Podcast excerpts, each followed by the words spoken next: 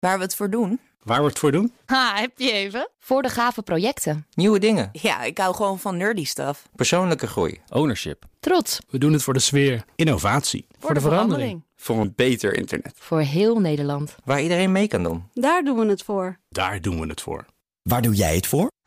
Kom werken voor KPN en groei op jouw manier. Check de actuele vacatures op het gebied van data, security, development en networking op jobs.kpn.com/tech.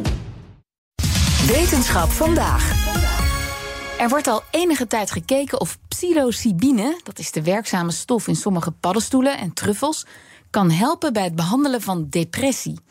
En we zijn weer een stapje dichterbij, het antwoord, want vandaag zijn de resultaten van een groot internationaal onderzoek gepresenteerd. En uh, daarin is daarnaar gekeken.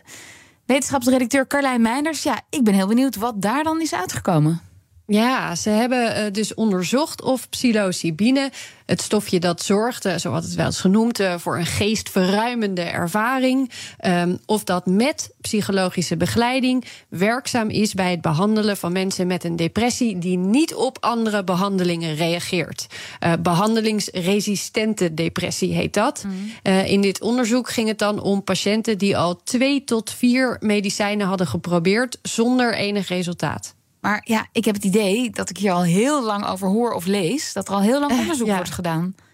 Ja, daar heb je ook gelijk in. Uh, een, een, klein lesje uh, psilocybine geschiedenis van psychiater Metten Somers van het UMC Utrecht.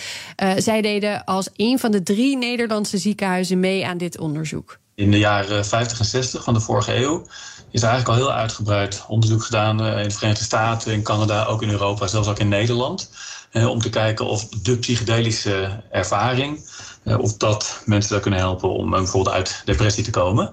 En eigenlijk is al het onderzoek op die, in die periode niet gedaan op de manier zoals wij vandaag de dag willen dat onderzoek gebeurt voordat je goedkeurt dat het gebeurd is. Hè. Dus het heeft toen niet onze kwaliteitsstandaarden bereikt. En het onderzoek is eigenlijk vrij radicaal gestaakt, begin jaren 70 omdat toen uh, de war on drugs begon. Ah, en die war on drugs die had ook effect op op het doen van onderzoek naar paddenstoelen. Ja, ja, dit soort drugs werd illegaal en het onderzoek ernaar werd ook op veel plekken verboden. Maar sinds een aantal jaar is het weer mogelijk en wordt er uitgebreid naar gekeken. Onder andere ook omdat er de afgelopen jaren niet heel veel ontwikkelingen zijn geweest binnen de psychiatrie, zei Somers. En er, is toch, er moet toch gezocht worden naar nieuwe behandelingen. En wat ook meespeelt is dat dit soort middelen toch een stuk minder gevaarlijk blijken te zijn dan toen werd gedacht. Zeker als je ze bijvoorbeeld vergelijkt met iets als alcohol. Maar goed, er, er zijn dus in de afgelopen jaren inderdaad alweer aardig wat studies gedaan. Maar die studies waren eigenlijk allemaal te klein van opzet, hè, of niet kwalitatief goed opgezet om echt iets te kunnen zeggen uh, over, over de werkzaamheid. En dat is echt het grote verschil met dit onderzoek. Dit is de eerste echt hele grote, goed opgezette, gerandomiseerde, gecontroleerde trial. Die heeft gekeken of die psilocybine therapie met psychologische uh, begeleiding, of die werkzaam is bij deze groep mensen met zo'n uh, behandelingsresistente depressie. En hoe hebben ze dit dan in dit laatste onderzoek precies aangepakt? De opzet was als volgt. We hebben gekeken naar het effect van drie verschillende doseringen. Een uh, hoge dosering psilocybine, en een medium dosering psilocybine en een lage dosering psilocybine. En mensen werden willekeurig um, aan één van die verschillende doseringen uh, toebedeeld.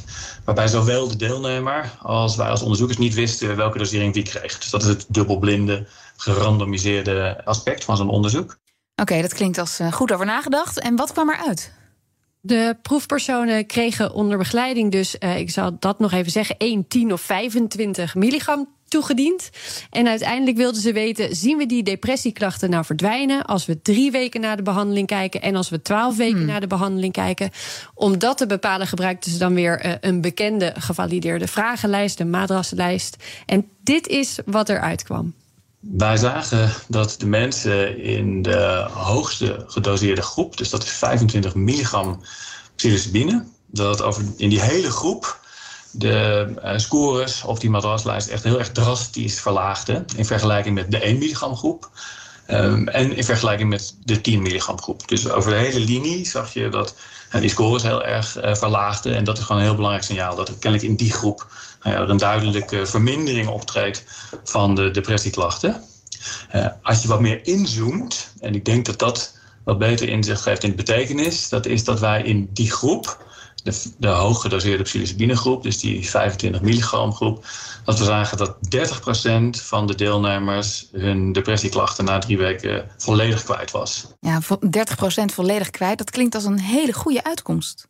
Ja, uh, als je bedenkt dat deze groep hiervoor onbehandelbaar was, dan is dit resultaat na één behandeling zeker heel goed. Wat het vooral laat zien is dat ze ook op de goede weg zitten. Ze hebben nu een beter idee van de dosis die nodig is. Ze hebben laten zien, het is niet alleen een placebo-effect. En ze weten nu dat het uit te voeren is en veilig genoeg is. En dat is allemaal weer nodig om naar de volgende fase van het onderzoek te gaan. Dat wordt dan een fase 3-studie met nog veel meer proefpersonen, hm. waarin wordt gekeken, blijft het dan ook overeind? Ja, en hebben ze genoeg van dit stofje voor iedereen?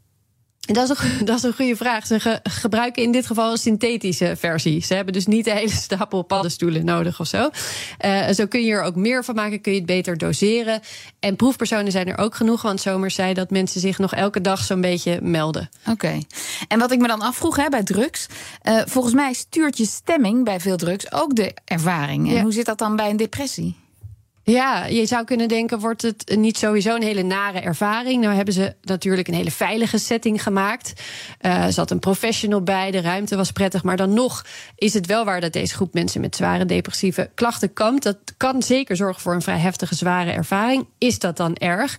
Nee, zegt Zomers. Het hoeft niet per se een halleluja-verhaal te zijn waarin je ervoer dat je versmolt met het universum. Het mag best wel een zware, heftige ervaring zijn. En dan kan je dus alsnog zien dat het een positief effect op die depressieklachten heeft. Oké, nou op naar die fase 3-studie. Ja, ik zag uh, dat ergens werd genoemd. We hopen hier in 2022 nog mee te beginnen. De UMC Utrecht zal ook weer meedoen. Zomers verwacht dat het eerder 2023 wordt. Maar ze zijn dus al een heel eind. Dankjewel, Carlijn. Wetenschap vandaag is mede mogelijk gemaakt door Brightlands. Knowledge Crossing Borders. Ook Hugo Reitsma vind je in de BNR-app. Superhandig die BNR-app. Je kunt alle programma's live luisteren, breaking nieuwsmeldingen. Je blijft op de hoogte van het laatste zakelijke nieuws. En je vindt er alle BNR-podcasts, waaronder natuurlijk de belangrijkste, Boeken zijn in de wijk. Download nu de gratis BNR-app en blijf scherp.